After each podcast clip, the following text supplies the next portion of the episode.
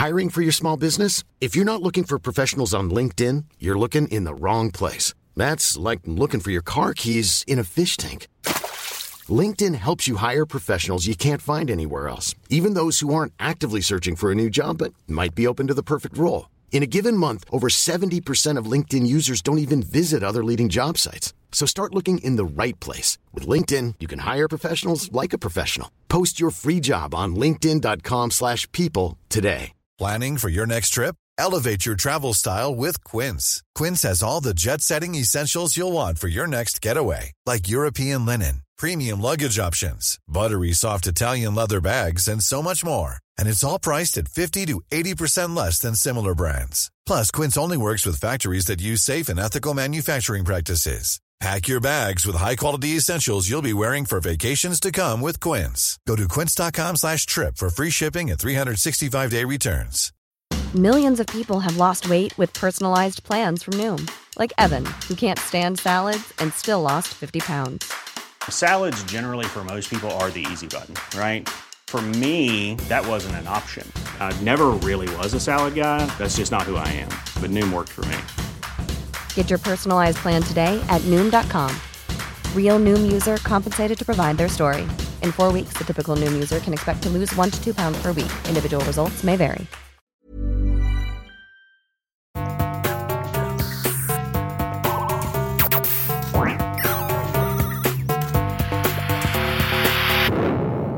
Velkommen til Sinnsyn. Jeg heter Sondre Risom Livre, er psykolog, og dette er Webpsykologens podkast. Hverdagspsykologi for fagfolk og folk flest.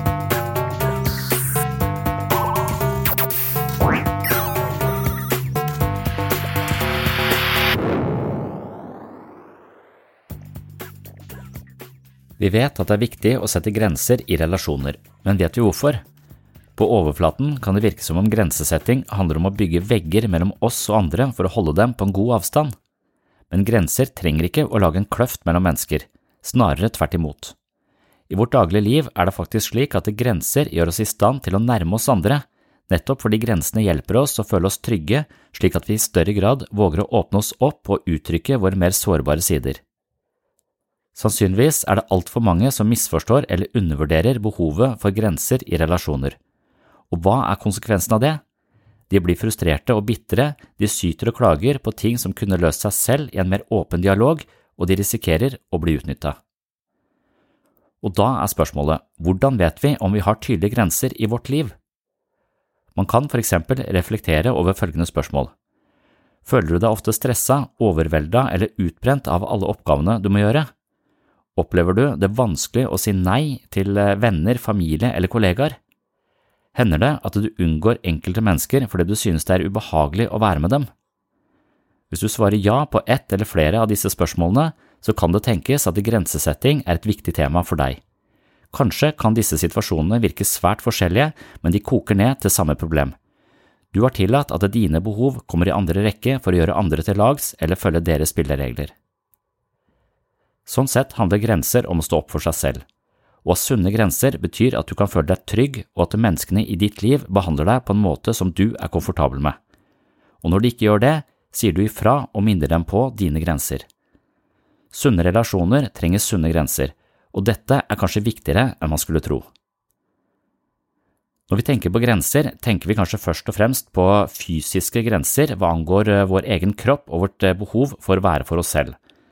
Eksempelvis er det ganske ubehagelig dersom noen kommer for tett på, altså helt opp i ansiktet ditt i en samtale. De mangler intimgrenser og bryter dine, og det oppleves invaderende og spesielt i koronatider. Da.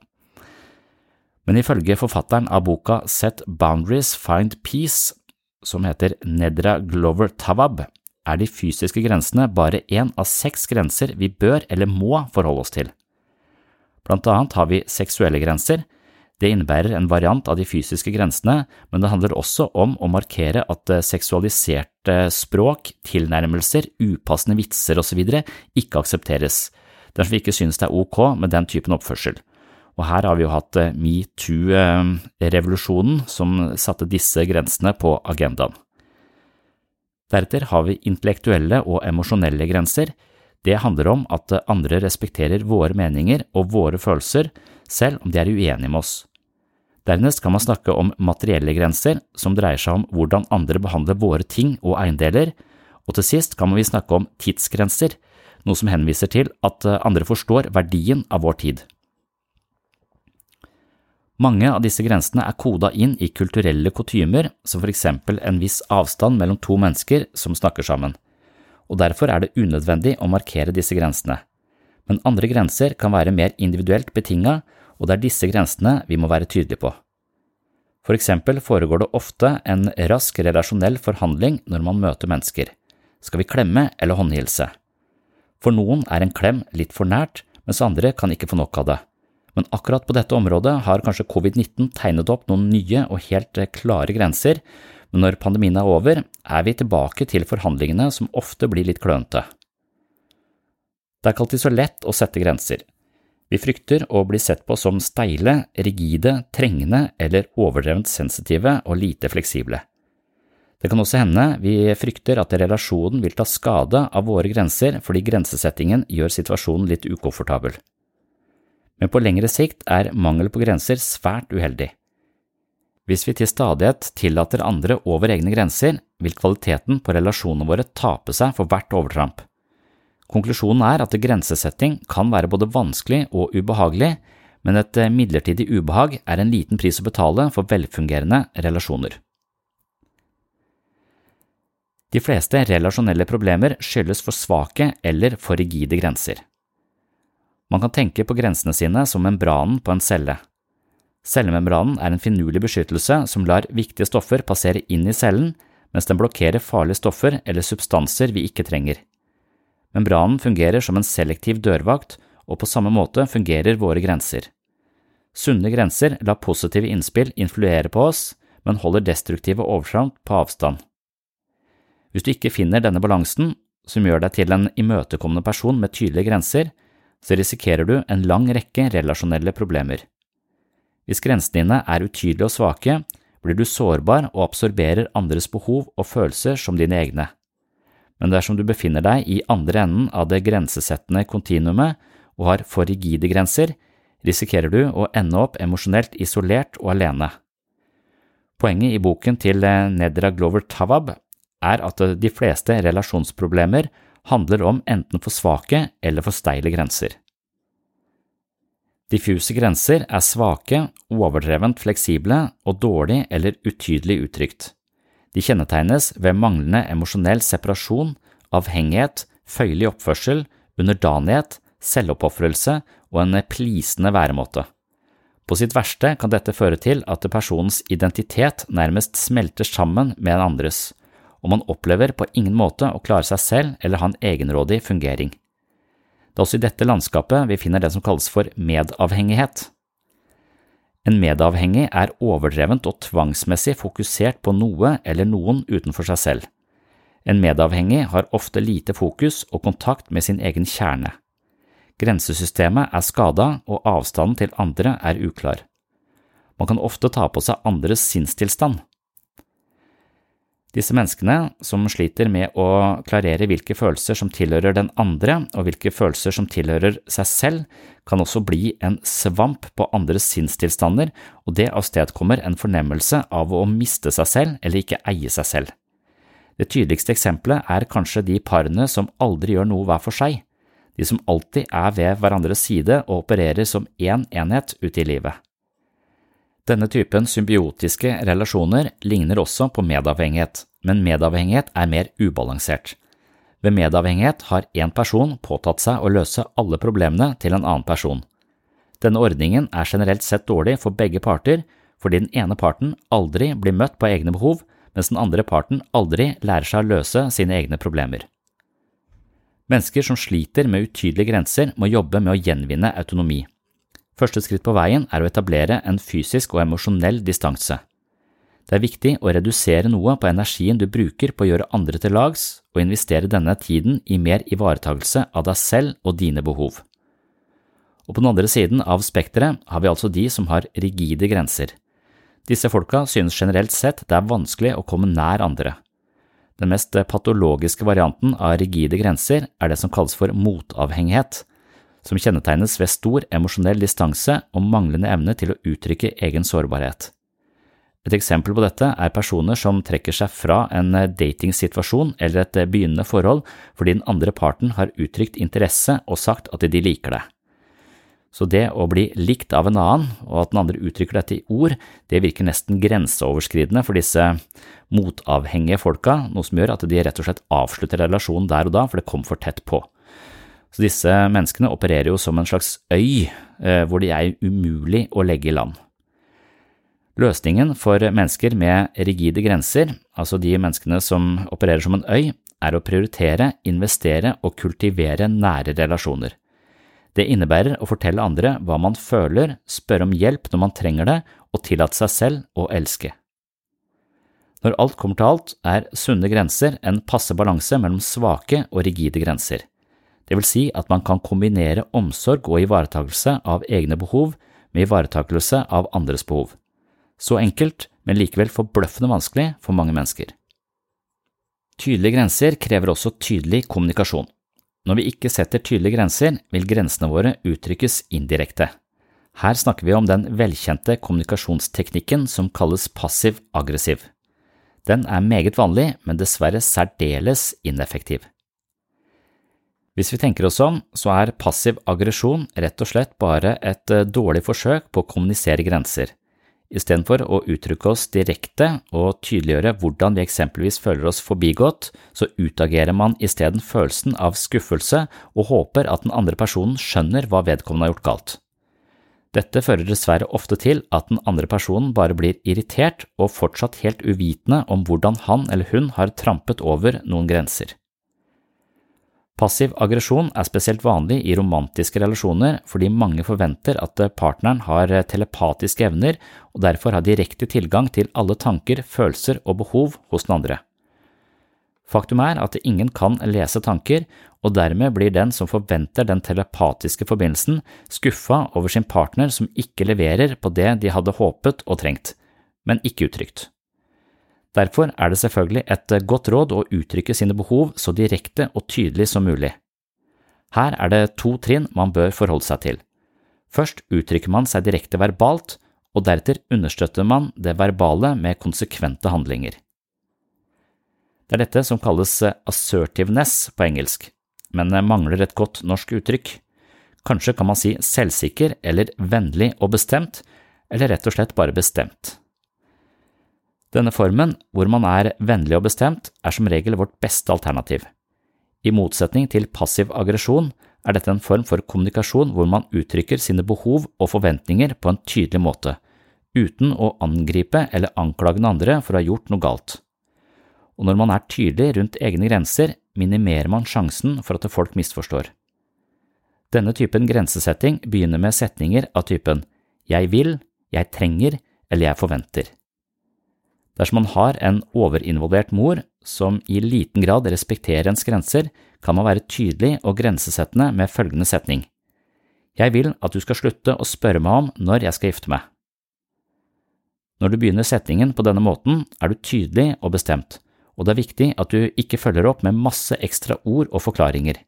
Hvis du pakker inn den grensesettende beskjeden med masse verbal staffasje, gir du inntrykk av at grensene likevel ikke er så tydelige eller at du er åpen for forhandlinger.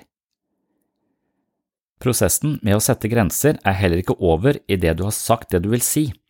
Ordene dine må underbygges og konsolideres gjennom konsekvente handlinger. Du må stå for det du har sagt, ellers så vil ikke folk respektere grensene dine, og da er du i en enda verre posisjon. Uten grenser risikerer du å bli utnytta eller invadert, men siden du ikke satte ned foten, er den overtrampende parten på sett og vis uskyldig, og da uskyldig hermetegn fordi de visste ikke hvor grensene gikk. Men idet du setter ned foten, og så setter grenser, og de ikke respekteres, har noen begått et psykologisk innbrudd hos deg, og det er nesten hakket verre. Denne typen mennesker bør du unngå, da de rett og slett utsetter deg for mer eller mindre etterrettelig kriminalitet, i alle fall psykisk. Her spiller også eksempelets makt inn.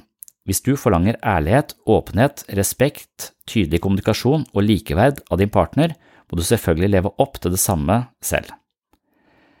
Dernest er det viktig å påpeke at eh, handlinger også innebærer å respektere andres grenser.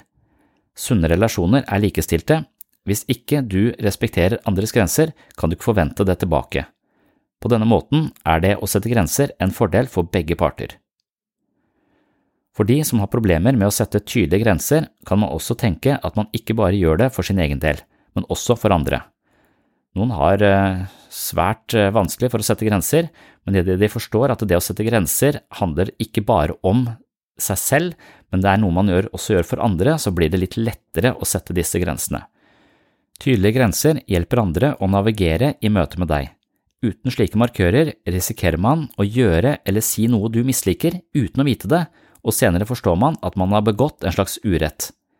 De fleste vil ikke invadere andre, men uten grenser vet man ikke hvor man er. Det er som om eh, mangel på grenser tåkelegger det mellommenneskelige landskapet.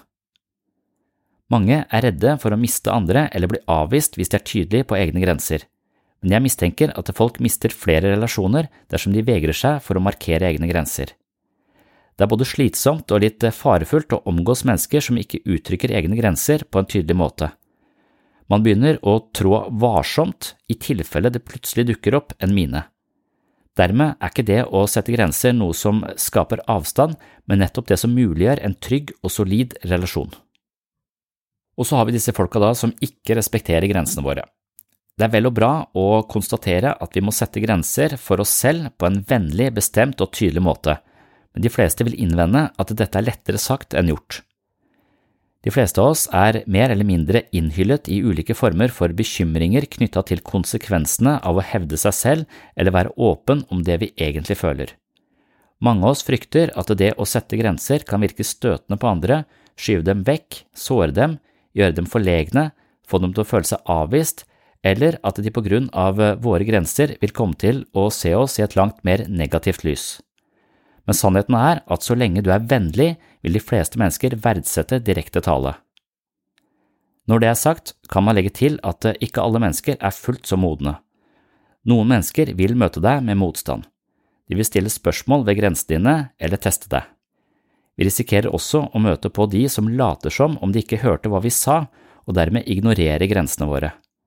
Dette anser jeg som et eh, slags psykologisk innbrudd, og det er kriminelt. Denne typen oppførsel er alltid et tegn på at du bør revurdere denne relasjonen.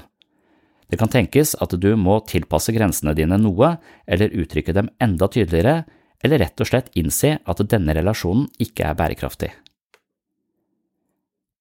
Noen grenseoverskridelser er såpass ubetydelige at du kan klare å riste dem av deg uten videre. Dersom en full bekjent snakker hull i hodet på deg om seg og sitt i timevis på fest, er det sannsynligvis bedre å bare trekke seg unna enn å initiere en dypere samtale om grenser og likeverd i relasjonen. Men hvis en person agerer grenseoverskridende gang på gang, må du gjøre noe med det. Hvis du ikke gjør det, vil det fortsette å langsomt ta livet av relasjonen.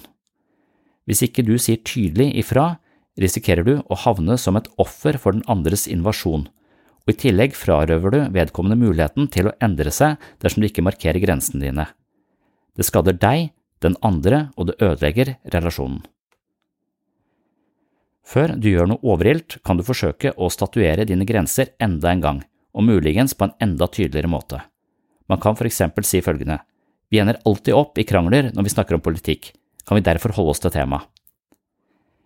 Men idet andre til stadighet ignorerer grensene dine, må du gjøre noe med det. Du må understøtte grensene med konkrete handlinger. Hvis du for eksempel har en mor som stadig dukker opp på døra uten å si ifra på forhånd, og du gang på gang har sagt at du gjerne vil ha beskjed, kan det hende du må la være å åpne døra, eller åpne, men ikke slippe henne inn. I noen tilfeller er man nødt til å avslutte relasjonen fordi den andre ikke respekterer grensene dine uansett. Hvor mye av din tid du velger å bruke sammen med andre, er ditt valg. Du er ikke forplikta til å gi av din tid til mennesker som ikke respekterer deg eller drenerer deg for energi. At du distanserer deg fra relasjonen, betyr ikke nødvendigvis at du ikke bryr deg om vedkommende, det betyr bare at du tar vare på deg selv og bryr deg om ditt eget ve og vel, og nettopp det, å vite hvordan man ivaretar seg selv og innse at man har rett til å ivareta seg selv, er en sentral del av dette problemkomplekset. Grenser er viktig for relasjonen vi har til oss selv. En av de viktigste grunnene til at mennesker vegrer seg for å sette grenser, er at vi rett og slett misforstår hva det vil si eller hva grenser er. Vi innbiller oss at det å sette grenser er å emosjonelt distansere seg fra en person, at nære relasjoner handler om å gi ubegrensa og uselvisk av seg selv. Kvinner har særlig fått vite at en god hustru og en god mor er givende og selvoppofrende for sin familie, gjerne på bekostning av egne behov. Men det er også en grunn til at eh, den stereotype husmoren ofte blir utbrent, umotivert eller deprimert. Det er åpenbart at det å gi ubetinga av seg selv ikke er en farbar vei på lengre sikt.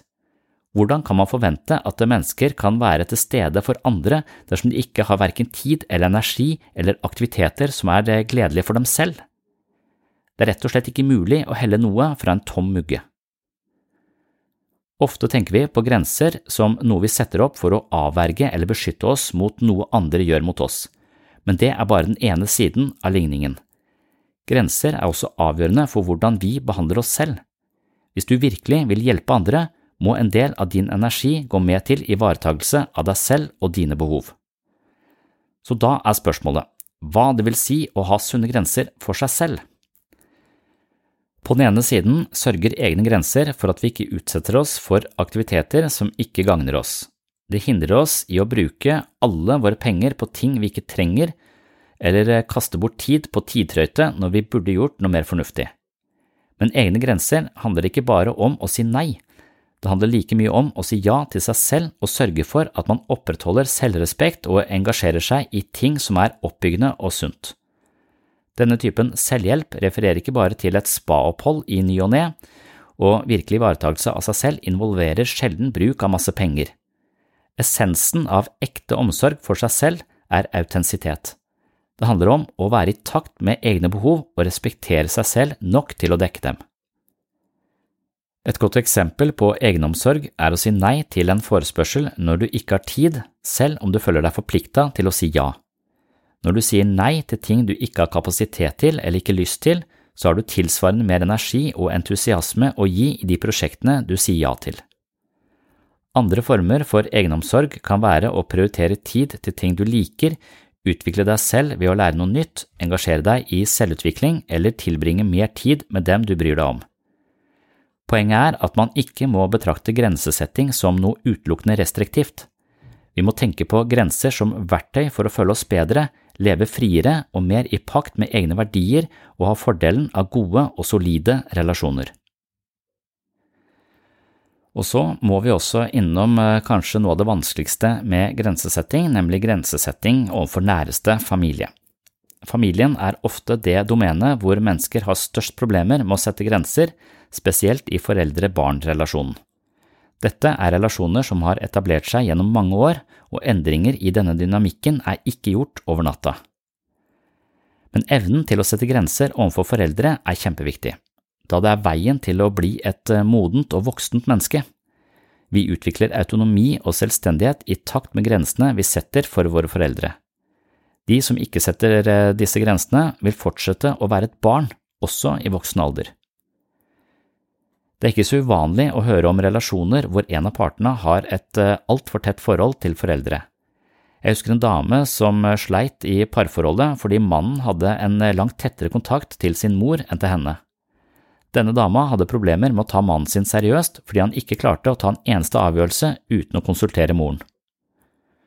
Første moment i grensesetting overfor familie handler om fysisk avstand. Man må redusere antall ganger man treffes eller ringes. Det er også viktig å etablere en emosjonell avstand, noe som innebærer å ikke dele alle intime detaljer fra eget liv med foreldre. Deretter må man trene på å uttrykke sine behov på en bestemt og tydelig måte. Den beste måten å gjøre dette på er å løse egne problemer selv og ta egne avgjørelser. Men det er også flere ting man kan gjøre for å statuere sin autonomi.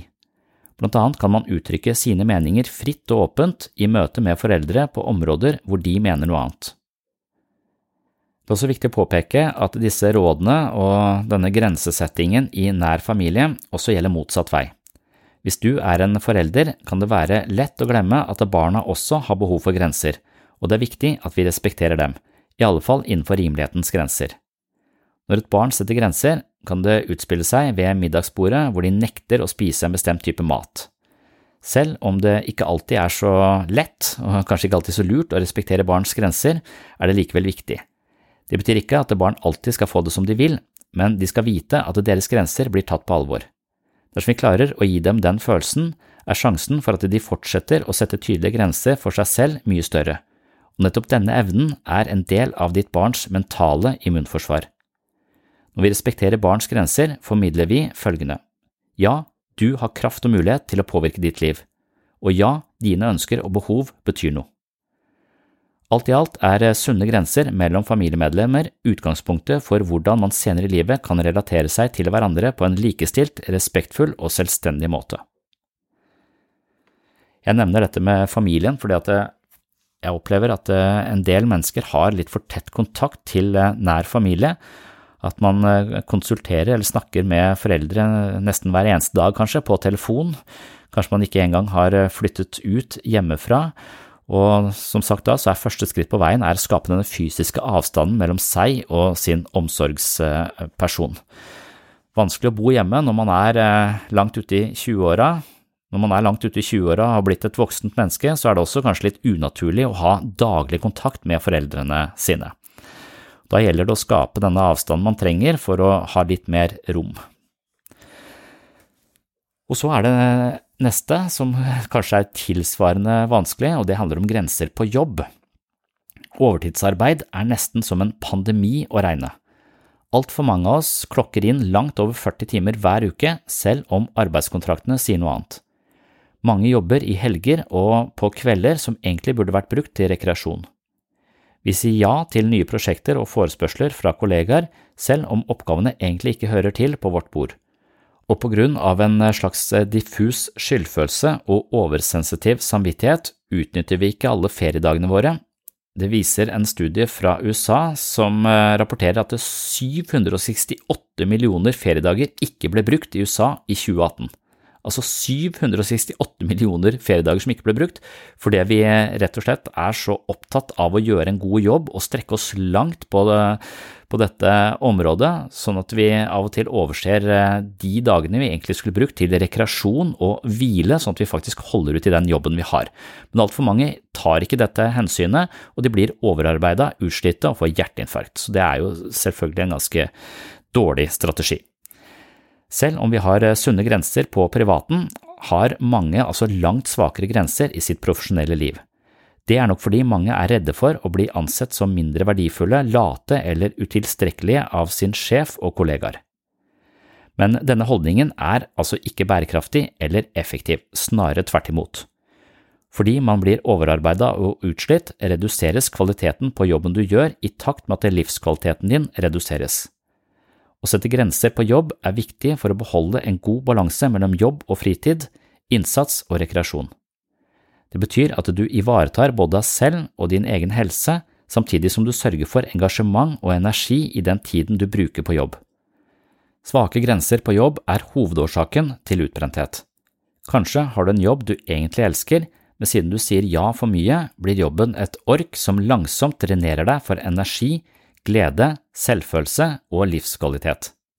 Da er det vårt fordømte ansvar å sørge for at vi hele tiden har hodet over vann, slik at den jobben vi elsker ikke drukner i forakten som dukker opp når jobben invaderer livet vårt. For å sørge for gode grenser på jobb er det en del ting du kan gjøre. Først og fremst må man legge fra seg ideen om at en god arbeidstaker sier ja til alle forespørsler. Det er ingenting bra med å grave deg ned i altfor store arbeidsmengder slik at du kun rekker å gjøre ting halvhjerta. Hver gang du sier nei til mer jobb eller mer ansvar, sier du samtidig ja til å investere ditt engasjement og kompetanse i de oppgavene du allerede har. Neste skritt mot sunnere grenser på jobb handler om å gjøre jobben innenfor den tiden som er fastsatt. En måte å bli ferdig på innenfor en arbeidsdag eller uke relaterer seg til delegering. Når vi har for mye, kan vi be om hjelp. Kanskje trenger du også å jobbe med fysiske grenser, slik at du for eksempel tar småsnakkingen i lunsjen og lar mobiltelefonen ligge på god avstand slik at den ikke spiser oppmerksomheten din i tide og utide. Dersom du likevel har altfor mye å gjøre, bør du melde dette inn til ledelsen. For mange er det skrekkinnjagende å sette grenser overfor en sjef, men husk at det er livsviktig.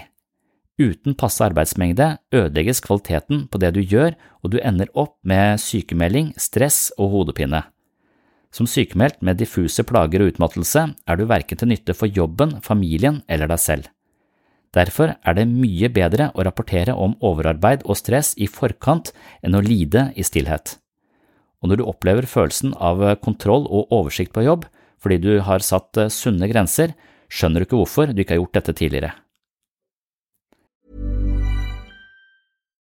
If you're looking for plump lips that last, you need to know about Juvederm lip fillers. With Juvederm Volbella XC and Juvederm Ultra XC, your lip look, whether it's subtle or bold, can last up to one full year with optimal treatment and no additional maintenance. Find a licensed specialist and see if it's right for you at Juvederm.com today. That's J U V E D E R M.com. Add fullness to lips in adults over 21 with Juvederm Volbella XC or Juvederm Ultra XC. Do not use if you have severe allergies or a history of severe allergic reactions, or if you're allergic to lidocaine or the proteins used in Juvederm. Tell your doctor if you have a history of scarring or taking medicines that decrease the body's immune response or that can prolong bleeding. Common side effects include injection site redness, swelling, pain, tenderness, firmness, lumps, bumps, bruising, discoloration, or itching. As with all fillers, there's a rare risk of unintentional injection into a blood vessel, which can cause vision abnormalities, blindness, stroke, temporary scabs, or scarring. For full important safety information, visit juvederm.com.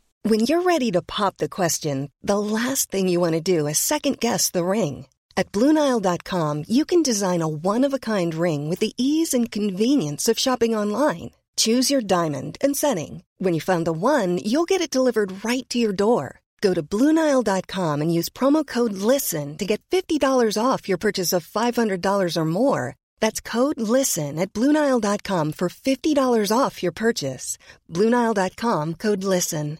Cool fact a crocodile can't stick out its tongue. Also, you can get health insurance for a month or just under a year in some states. United Healthcare short term insurance plans, underwritten by Golden Rule Insurance Company, offer flexible, budget friendly coverage for you. Learn more at uh1.com. Det siste området jeg vil innom eh, med hensyn til grensesetting, handler om parforhold. Hva er egentlig det viktigste i et parforhold? Svaret er den reneste klisjé – kommunikasjon. Men selv om et mantra om god kommunikasjon har fungert som bærebjelke i altfor mange selvhjelpsforedrag, er det et faktum at dårlig kommunikasjon er hovedgrunnen til skilsmisser og hovedårsaken til at par oppsøker terapi. Et annet spørsmål er hva som egentlig menes med god kommunikasjon. Her finnes det også mange svar, men kanskje koker det ned til evnen vi har til å sette grenser. Når par ikke klarer å sette tydelige grenser, henfaller de til andre strategier som ofte er dårligere og mer konfliktfremkallende på litt lengre sikt, som for eksempel passiv aggresjon. Det er ikke uvanlig at et par unngår å fremme direkte forespørsler i frykt for å invadere eller presse sin partner. Denne frykten er som regel ubegrunna.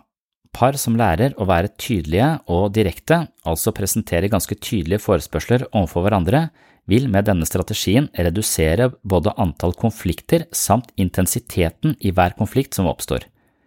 Mange er overrasket over hvor begeistra andre kan være for tydelig og ærlig tale, og hvor villige folk er til å imøtekomme andres ønsker når de får en direkte forespørsel. Selv om dette er demonstrert i hundrevis av studier på parforhold, driver mange mennesker fremdeles og kommuniserer via røyksignaler, diffuse antydninger, små tegn, sukk, taushet og alle andre mellommenneskelige strategier de fleste av oss kjenner godt fra egen erfaring. I parforhold er det viktig å være tydelig på hva man forventer, ønsker i en relasjon, både her og nå og for fremtiden. Ideelt sett er opptegnelse av tydelige grenser det første man gjør i et parforhold, men dessverre er ikke dette det vanligste. Ved å være ærlige på hva man forventer, hvordan man vil behandles og hva man ønsker for parforholdet allerede i starten, sparer man seg for masse kvalme og bortkasta tid på lengre sikt. Imidlertid er dette samtaler vi mennesker synes er litt vanskelige, og det er en type samtaler vi er tilbøyelig til å unnvike. Det er overraskende hvor mange parforhold som ikke diskuterer spørsmålet om giftermål, barn og bosted før de har vært sammen i årevis og først da oppdager at de vil helt forskjellige ting. Andre samtaler som bør på bordet så tidlig som mulig for å hindre en konflikt rundt neste sving, kan handle om felles økonomi, ansvar for husarbeid og lignende, lojalitet og toleranse for utroskap. Sistnevnte kan, om ikke annet, bli en ganske interessant diskusjon. Men hva så hvis du allerede er i et forhold som har vart ganske lenge uten å berøre de sentrale temaene? Da er det vel på tide å ha en vanskelig samtale. Det kan hende du opplever det som ukomfortabelt, men ukomfortable samtaler de redder parforhold. Basert på tidligere krangler vet du sikkert en del om hvor det er viktig å tegne opp noen grenser, diskutere forventninger og plante et flagg. Det er heller ikke uvanlig at et par som våger å markere noen grenser, skape litt avstand og hevde sin egen autonomi, opplever at parforholdet får en romantisk oppblomstring. Hvis man hele tiden lever uten tydelige grenser, går man på eller oppå hverandre på en måte som egentlig er både forvirrende og potensielt sett irriterende. Det er i dette landskapet vi kaster ut eh, passivt aggressive røyksignaler for å antyde det vi har unngått å si åpent og ærlig. Alle driver med dette, og det fungerer som regelrett gift for parforholdet. Og dette var også denne forholdsvis lange og omfattende innledningen basert på en bok som da heter Set Boundaries Find Peace av Nedra Glover Tawab, og i dagens eh, andre segment skal du få være med inn i en samtale hvor grensesetting er tema.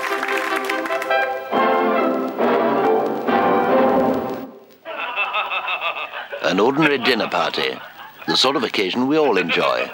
The men are exchanging witty stories. And look at the women. Aren't they pretty? Look at the way they laugh. They're delightful. But now the conversation turns to more serious matters. I wonder if the government should return to the gold standard. I think it should. Good. Then we're all agreed. But oh dear, what's this? One of the women is about to embarrass us all. I think the government should stay off the gold standard so that the pound can reach a level that will keep our exports competitive. The lady has foolishly attempted to join the conversation with a wild and dangerous opinion of her own. What half-baked drivel! See how the men look at her with utter contempt. Daphne, we're going home.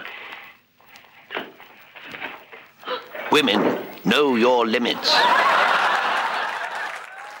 Så Derfor er det selvfølgelig et godt råd å uttrykke sine behov så direkte og tydelig som mulig. Og Her er det to trinn man bør forholde seg til. Først uttrykker man seg direkte, verbalt, og deretter understøtter man det verbale med konsekvente handlinger. Så romantiske relasjoner er eh, ofte mest eh, behefta med denne passiv-aggressive kommunikasjonsformen. Og det, bli, eh, det, å komme seg ut av dette, det er rett og slett da å uttrykke seg direkte, Eh, først verbalt, og deretter eh, understøtte det man har sagt med konsekvente handlinger. Dette, dette blir et problem i parforhold, men dette er jo for min del et stort problem overfor barn. Fordi at jeg, fordi at jeg ofte ikke uttrykker mine egne behov før det har gått altfor langt, og jeg føler meg utnytta og tatt for gitt. Og så blir jeg forbanna fordi jeg blir tatt for gitt, og de er utakknemlige. Og så, og, så, eh, og så, uttrykker jeg det da for tydelig eh, istedenfor å sette grenser på litt tidligere tidspunkt. Så, så, når det gjelder barn, så syns jeg det å sette grenser er, eh, er eh, vanskelig. Og én ting er å sette grenser, nei, du får ikke is. Men det å være konsekvent i handlingene sine etterpå, ut ifra de grensene man har satt, det er tilsvarende viktig, altså. Så jeg kan godt si nei, du får ikke is i dag, så går det en time, så gir jeg faen meg en is likevel. Bare fordi at nå hadde naboen fått is, eller nå hadde et eller annet så, eller slått seg litt, eller et eller annet. Så, så, så, så jeg bøyer jo av. ikke sant? Jeg sier noe og handler på en annen måte. Så, eh, så, jeg blir en sånn pushover så, som da er uh, uten grenser. Og det man risikerer når man ikke har grenser, er at man blir utnytta. Spesielt av barn. De, er, de, vil gå dit. Hvor er grensene? Du må fortelle meg. Det er din ansvar å sette grenser for, for deg sjøl. Og hvis ikke du setter grenser, så prøver jeg å utnytte det, for jeg vil ha is, jeg. Og så lenge ikke du setter tydelige grenser og er konsekvent, så, så vil jeg prøve meg. Det er jo fornuftig fra et barns ståsted, som ikke har blitt en 100 sivilisert borger foreløpig. Det skal jo vi lære de. Så, så, så der, der, blir dette også veldig sånn, eh, sånn tydelig.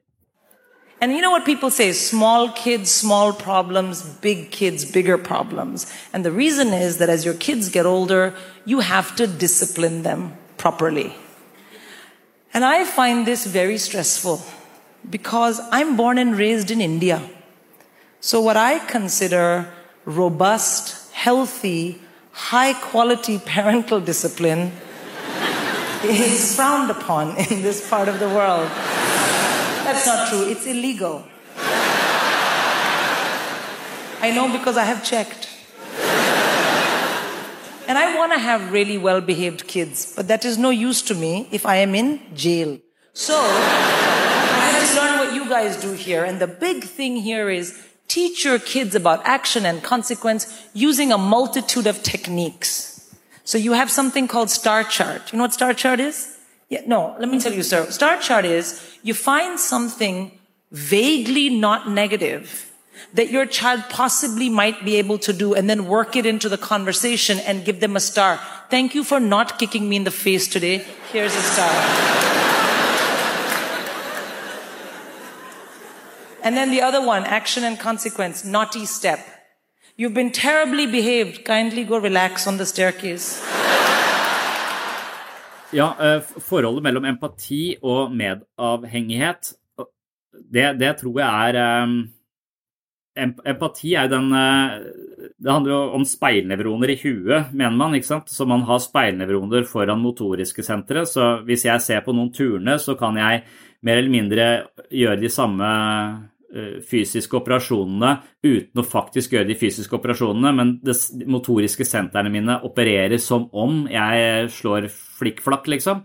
Fordi jeg ser en som, eh, en som gjør det.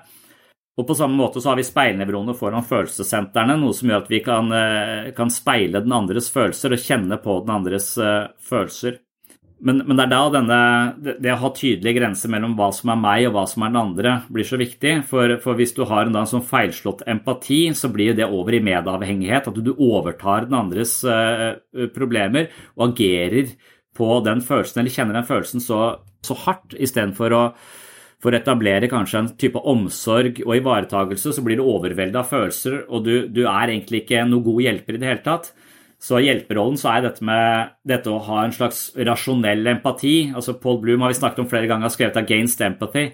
Han sier at empatifølelsen vår kan være direkte feiljustert, akkurat som fryktresponsene våre kan være direkte feiljustert. Frykt er en viktig følelse.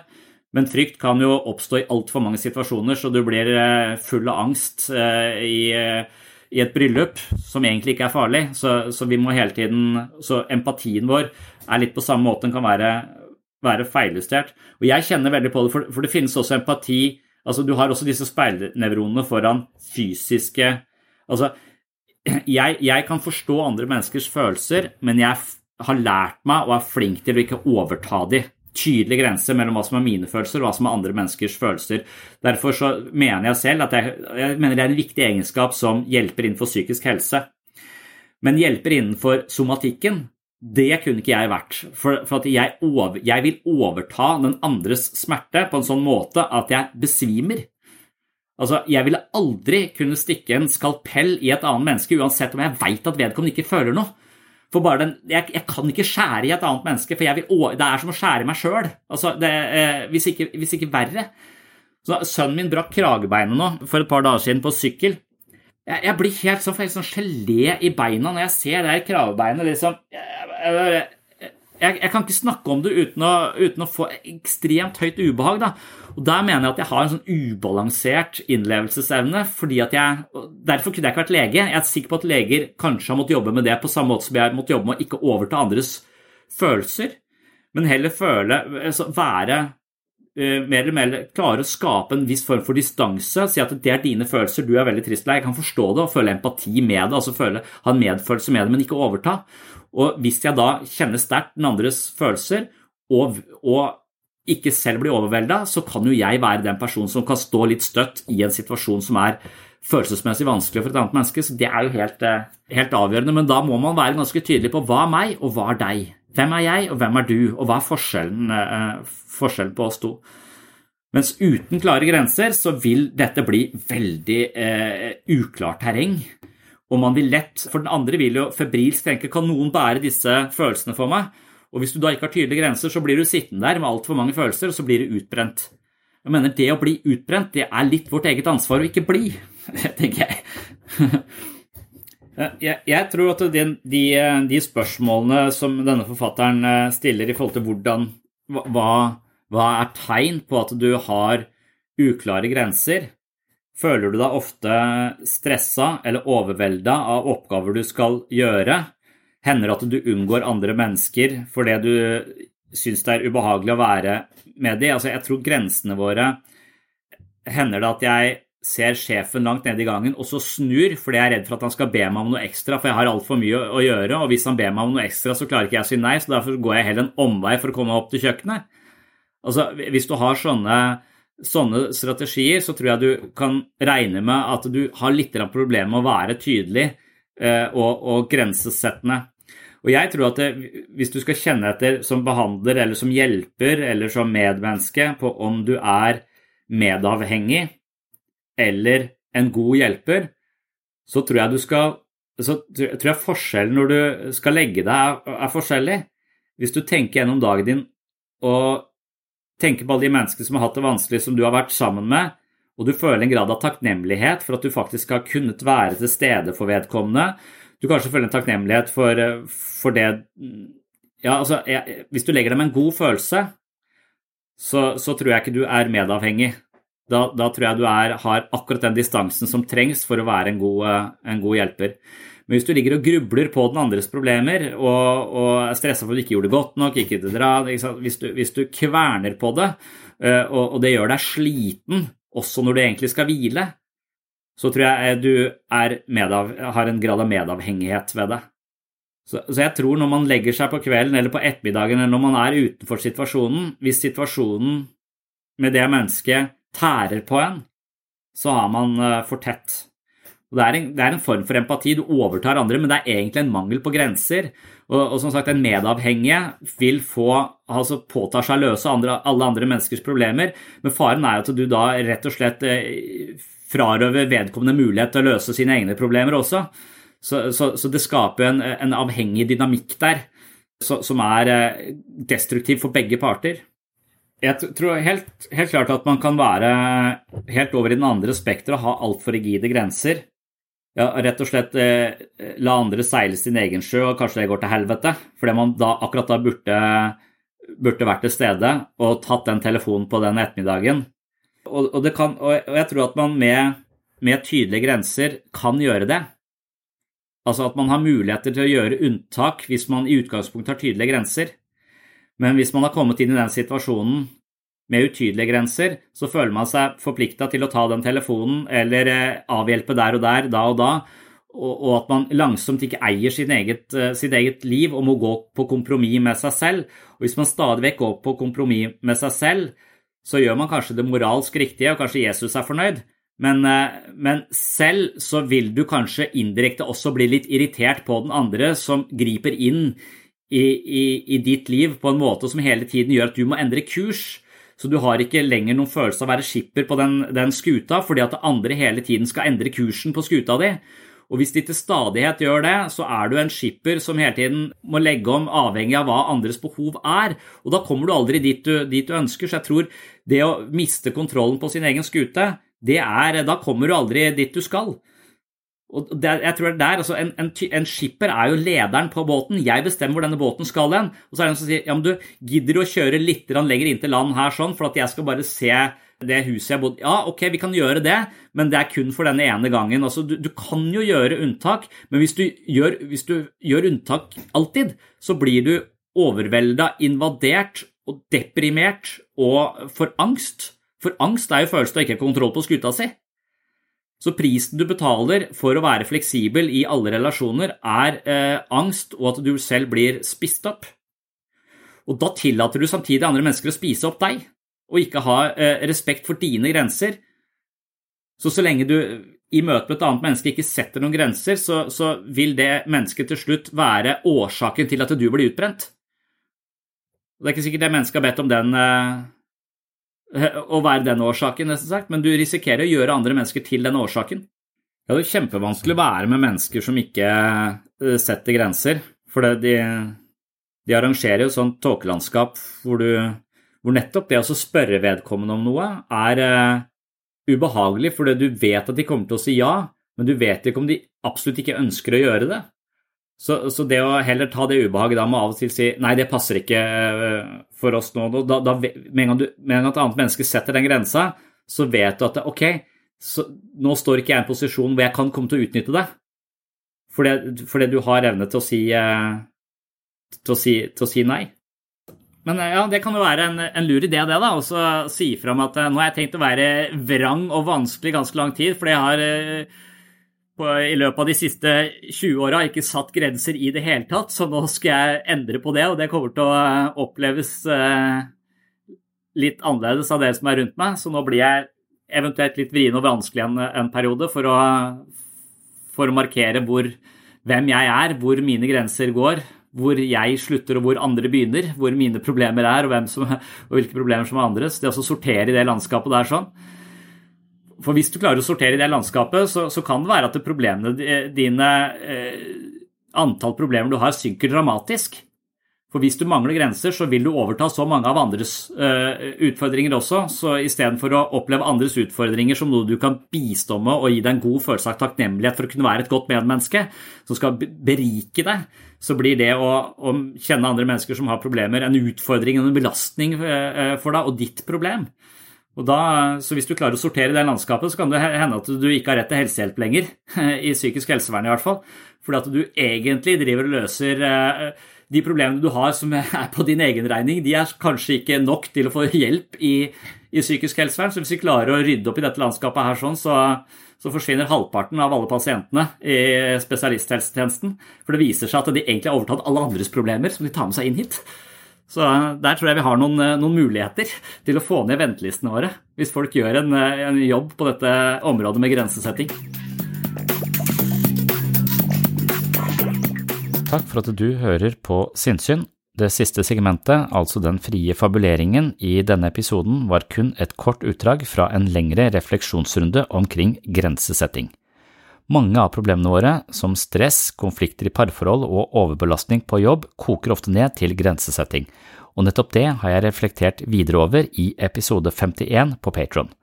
Episoden heter rett og slett Hvor går grensa? og inneholder hele foredraget du kun fikk en smakebit av her. Dessuten har jeg laget eh, en eh, episode som heter Øvelse 24 og setter grenser for seg selv. Den episoden handler om hvordan vi kan sette teorien om sunne grenser inn i eget liv. Én ting er å forstå at grenser er viktig, som et sunt psykologisk immunforsvar, men en annen ting er å faktisk ta denne innsikten i bruk. Det er altså tema for Øvelse 24 på min Patron-side. I tillegg finner du over 100 andre poster fra denne podkasten inne på Patron. Her er det over 50 ekstra episoder av sinnssyn, mentale øvelser, mye videomateriale, og jeg leser bøkene mine kapittel for kapittel, slik at Patron til slutt huser lydbokversjonen av mine tre bøker. Hvis du finner verdi her på Sinnsyn, vil ha mer sinnssyn hver måned og har lyst til å støtte prosjektet slik at jeg kan holde hjula i gang her på podkasten, er et abonnement på Patron av stor betydning for dette prosjektet. Du kan selv velge beløp mellom ja, ett nivå er 50 kroner, ett nivå 80 kroner eller 130 kroner per måned, og beløpet vil altså gi deg et medlemskap på mitt såkalte mentale treningsstudio. Så jeg har et abonnement som begynner på 50 kroner i måneden, så har jeg et på 80 og et på 130, men eh, alle monner drar, så du kan også gå inn på et lavere nivå hvis det er ønskelig. Jeg vil også benytte anledningen til å takke alle dere som allerede er Patron-supportere. Det er lyttere som dere som sørger for at lyset er på her inne på sinnssyn uke etter uke, måned etter måned, år etter år. Det er eh, som sagt kostnadskrevende og tidkrevende å drive denne podkasten, men jeg elsker å gjøre det, og med støtte fra Patron-lyttere kan jeg prioritere sinnssyn hver eneste uke. Tusen hjertelig takk for det, og på gjenhør i neste episode.